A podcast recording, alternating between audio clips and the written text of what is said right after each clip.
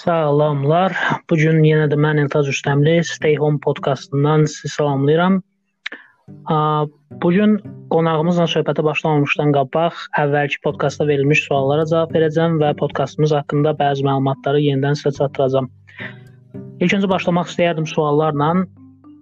Deməli, ilk epizoddan sonra bizə bəzi suallar ünvanladılar Instagram story-də. Suallardan biri o idi ki, hal-hazırdakı karantin vəziyyətində ev şəraitində hansı fiziki hərəkətlərlə məşğul olaq?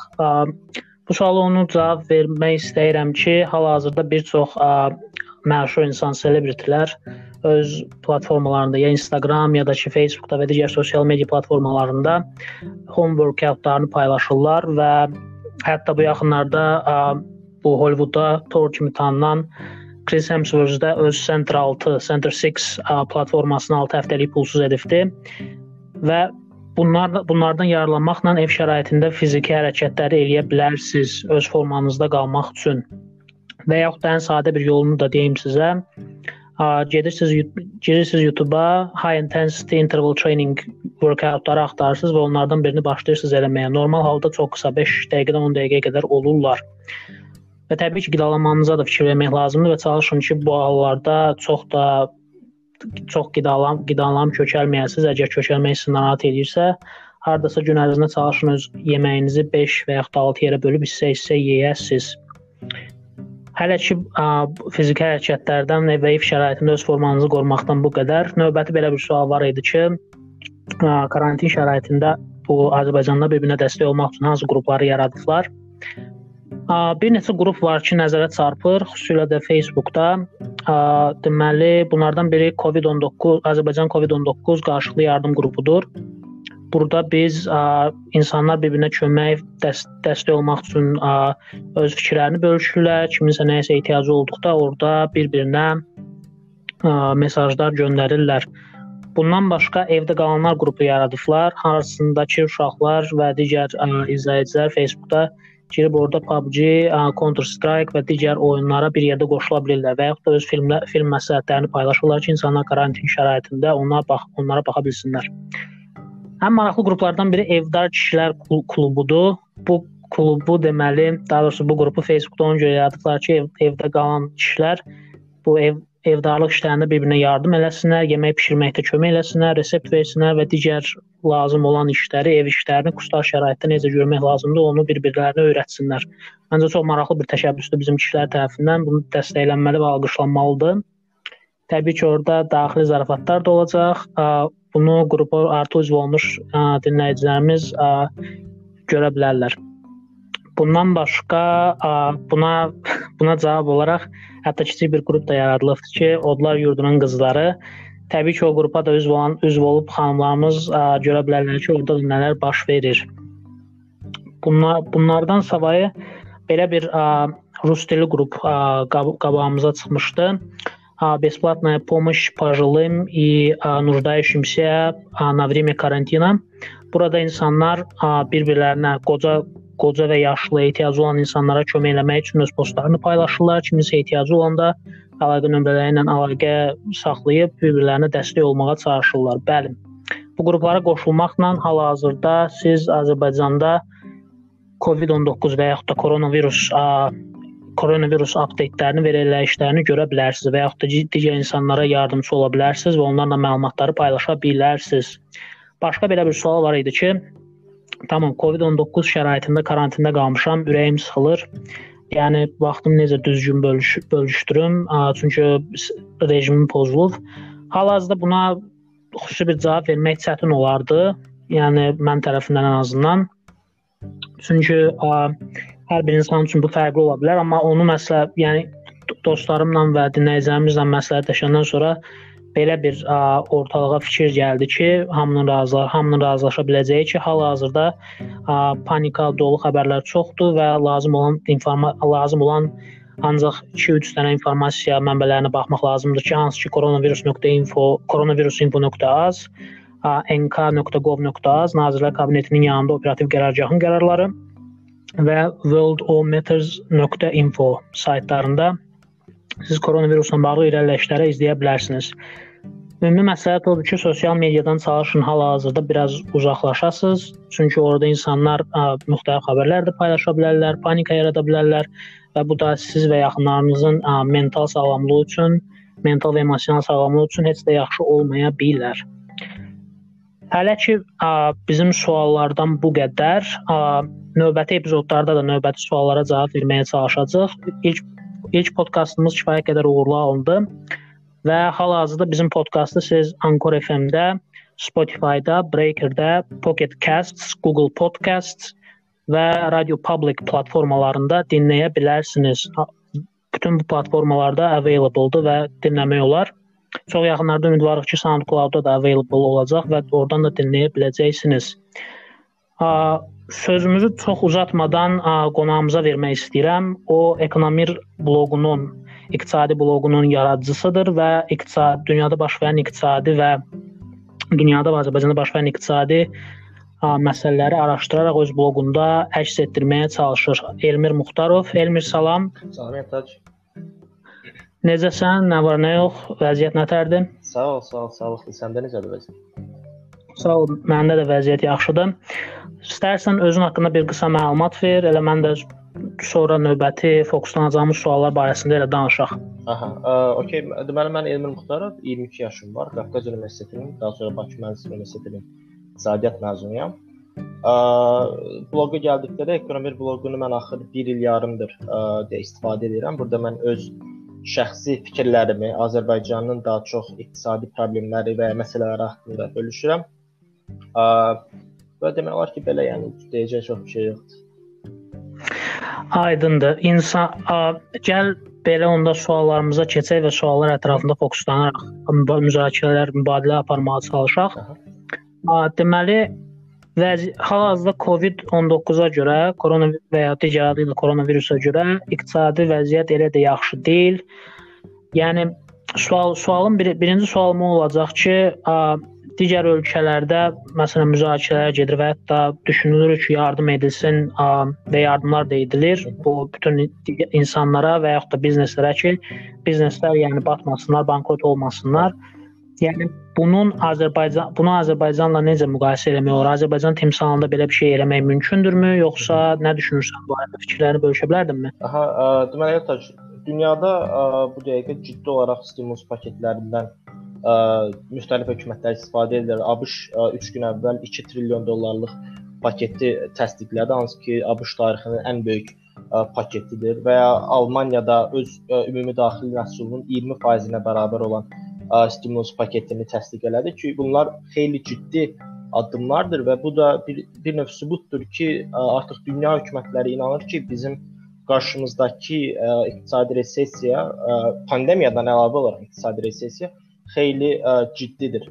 Ə, çünki fundamental olaraq da baxanda ə, 2008 krizindən də, 1999 Asiya krizindən də, hətta 29-cu ilin böyük depressiyasından belə fərqlidir bizim indi ə, üzləşdiyimiz vəziyyət. Çünki hətta deyərdim ki, tarixdə ilk dəfə hökumətlər deyirlər ki, ə, bizneslər dayansın. Bəs artıq siz ə, çölə çıxmayın. Çölə çıxmamaq o deməkdir ki, məsələn 2008-ci ildə hökumətlər hər nə qədər iqtisadi resessiya olsa da çalışırlar ki, ə, e, insanları cəsarətləndirsinlər ki, onlar öz ə, e, pullarını xərcləsinlər və iqtisadiyyat canlansın. Bu dəfə isə tam əksinədir. Hökumətlər deyirlər ki, çölə çıxmayın, çünki bu artıq ə, e, səhiyyə olaraq problemlər yarada bilər. Azərbaycan üçün isə vəziyyət 2 qat daha pisdir deyərdim. Çünki bir tərəfdən ə, bu koronavirusu ə, bütün sektorlara öz təsirini, iqtisadi təsirini göstərir. Digər tərəfdən də bizim iqtisadiyyatımız ciddi olaraq hələ də neftdən asılı olan iqtisadiyyatdır və neftin vəziyyəti heç də yaxşı deyil. Ümumiyyətlə hazırda 29 dollar, 39 dollardadır, hansı ki yox, başın 29 dollardadır, hansı ki çox xeyli aşağı rəqəmdir. İl Barclays və Beynəlxalq deməli enerji assosiasiyası bu il üçün 43 dollar təxmin eləyir orta qiyməti, hansı ki bizim büdcədə nəzərdə tutduğumuzdan daha azdır. Ona görə Azərbaycan mütləq ə, ciddi addım atmalıdır. İlk atılan addımlar bizdə 1 milyard dollar, ə, e, 1 milyard manatlıq stimulus paketi ə, qəbul olundu. Bir də dəstək fondu yaradılıb. Hər nə qədər ilkin addım olaraq bu yaxşı görünsə də nəzərdə saxlamaq lazımdır ki, 1 milyard dollar Azərbaycan iqtisadiyyatının cəmi 1.2% deməkdir. Yəni ə, biz 1 milyard manatla bağışlayın dollar 1 milyard manatlar ə, iqtisadi olaraq çox da ciddi bir şeyə nail ola bilməyəcək. Və hələ onu da nəzərdə tutmaq lazımdır ki, virus hələ də pik həddinə çatmayıb. Yəni bilmirik, bəlkə apreldə bu pik həddinə çatacaq, bəlkə 1 həftə sonra, bəlkə 3 ay sonra. Ona görə də ə, fikrimcə daha ə, ciddi addımlar, daha böyük səviyyəli addımlar ə, atmaq ə, lazımdır Azərbaycanda. Tamamdır. Belə bir ə, sual verim elə danışdıqları ilə əlaqəli bax. Biz deyirik ki, bu səhiyyə vəziyyəti dünya ölkələrinin bir bir çoxunda elə Azərbaycanda da elə də yaxşı vəziyyətdə deyil. Düşünürsənmi ki, ə, belə elə bu inkamla da əlaqəli mən suallar verim, bu insanların qazancı ilə əlaqəli. Düşünür düşünürmüsən ki, belə bizdə hamı üçün səhiyyə pulsuz vəziyyətə keçirilməlidir bu COVID-19-dan sonra və yaxud da hər dövlət elə bil müəyyən edə bilər ki, iminə belə vəziyyətlərdə, resessiyalarda və yaxud da elə bu necə deyim, iminə bu karantin vəziyyətində insanların insanlar üçün belə basic income ayrılsın da, ümumi bir base ayrılsın ki, onlar çünki bunlar insanlar bundan yararlana bilsinlər və öz kommunal xərclərini ödəyə bilsinlər və ya kommunal xərcləri bir dəfəlik kəsə bilərlər ki, bəlkə də bu 1 ay, 2 ay ərzində insanlar insanların üzərinə maliyyə cəhətdən əldə yük düşməsin. Düşünürmüsən ki, bu Azərbaycanda tətbiq olunma, olunması bir məsələdir hal-hazırda? Əlbəttə, yəni əgər hökumət insanlara deyirsə ki, yola çıxmayın, ə, əgər müəyyən təbəqə edirsə ki, ümumiyyətlə evdən çıxmaq üçün qadağandır ə, və böyük ehtimalla fövqəladə vəziyyət də yaxın gələcəkdə bizim başımıza gələcək. Bunda artıq məntiqi ardıcıllığı bu siyasətin odur ki, güzəştlər edilməlidir əhaliyə. Burada əvvəla vergi güzəştlərindən söhbət gedir, kommunal ödənişlərin güzəştlərindən söhbət gedir. Məsələn, qərb ölkələri artıq sənin dediyin kimi işləməyən əhaliyə də, yəni ümumiyyətlə bütün əhaliyə yardım etməyə, bir dəfəlik yardım etməyə başlayıblar ki, bu da lazımdır. Normal iqtisadi resessiyada belə bir şey, yəni əhaliyə birbaşa pul vermək o qədər də məntiqə uymur, amma indiki vəziyyətdə faktiki olaraq əgər biz deyiriksə ki, siz işə getməyin, onda artıq ə, məcburdur ki, ə, hökumətlər insanlara ə, bir növ kompensasiya versinlər ki, insanlar evlərindən çıxmasınlar. Çünki əgər sən onlara cəmaətə deyirsən ki, işə çıxma, bir digər tərəfdənsə onlara heç bir yardım eləmirsənsə, cəmaət koronadan yox, acından öləcək. Yəni nəticə olaraq yenə də insanlar öləcək. Ona görə mütləq lazımdır belə ə, necə deyim, yardım paketləri əhali üçün. Aydındır. Fikirlərini bölüşdüyün üçün çox sağ ol Elmir. Bir də belə bir ə, çox güman ki, sonuncu sual olacaq. Hal-hazırdakı bu neftin qiymətinin aşağı düşməsi ilə və Azərbaycan səviyyəsi üçün hətta aşağı olması ilə və ya dünya ətrafında baş verən iqtisadi vəziyyəti də nəzərə alsaq, çox güman ki, krizis gözlənilməzdir. Ən azından iqtisadçıların da xəbərlərin də çoxu belə deyir. Səncə Azərbaycan bu krizisə hazırdırmı və yaxud da birazdan hələ ki indi devalvasiya, manat devalvasiyaya uğramayıb. Səncə buna nə qədər dözüm gətirə bilər? Nə qədər müddətdən sonra belə bir şey gözləyə bilərik? Yaxşı sualdır. Krizis artıq məncə heç kim əksərən razılaşarıq ki, krizis gələcək olacaq. Yəni artıq burada bir şans məsələsi yoxdur. Dəqiq deyə biləcəyik krizis gəlir. Bilmədiyimiz odur ki, krizis nə qədər çəkəcək və nə qədər kəskin olacaq. Azərbaycan iqtisadiyyatına gəldikdə isə mən bayaq qısa olaraq statistikaya baxdım. Deməli, bilirsən ki, dövlət büdcəmiz əsasən Sofazdan ən azından 50%-ə yaxın olaraq Sofazdan birbaşa transferlər hesabına formalaşır və ə, valyuta bazarında da dolların əsas ə, təklif edən tərəf məhz neft fondudur. Ə, məsələn, bu il ə, dövlət büdcəsi çərçivəsində Sofaz deməli 6.7 milyard dollar ə, köçürülməsi planlayıb. Yəni valyuta bazarına dollar bu qədər dollar çıxaracaq Sofaz. Ə, maraqlısı odur ki, indiyə qədər, yəni yanvarın 1-dən bu günümüzə qədər artıq bu məbləğin 38.2%, yəni 2.6 milyard dolları ə, bazara çıxarılıb və satılıb. Müqayisə üçün deyim ki, keçən il 2009-da eyni göstərici 23.5% idi, 2008-də 2018-də 20.3, 2017-də isə 22.1% idi. Yəni ciddi şəkildə bu il daha sürətli ə, tələb var, daha çox tələb var bazarda və əgər bu sürətlə gedərsə, hazırki tendensiya davam edərsə, Sofazın ə, valyuta ehtiyatı, yəni büdcəyə keçiriləcək valyuta ehtiyatı böyük ehtimalla artıq ilin ortasına, iyul-avqust aylarına tükənəcək. İndi bilmirik, bu tendensiya davam eləyəcəkmi, epidemiya nə vaxt bitəcək? Yəni bundan çox şey asılıdır. Amma bir şey aydındır ki, ə, ciddi təzyiq var və ciddi təzyiqdə olacaq manat üçün. Əgər hökumət görsə ki, ə, Sofazdan gələn dollarlar hesabına dövlət büdcəsini qarşılamaq olmur, onda potensial devalvasiya ə, gözləmək olar.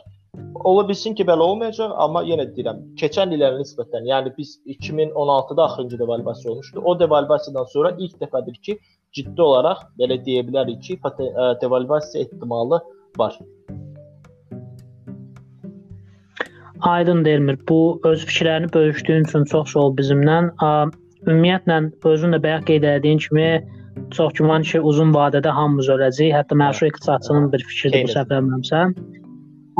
Bəli, bu Keynesin fikridir. Elə de böyük depressiya, resessiyasından gəlmişdi bu fikir.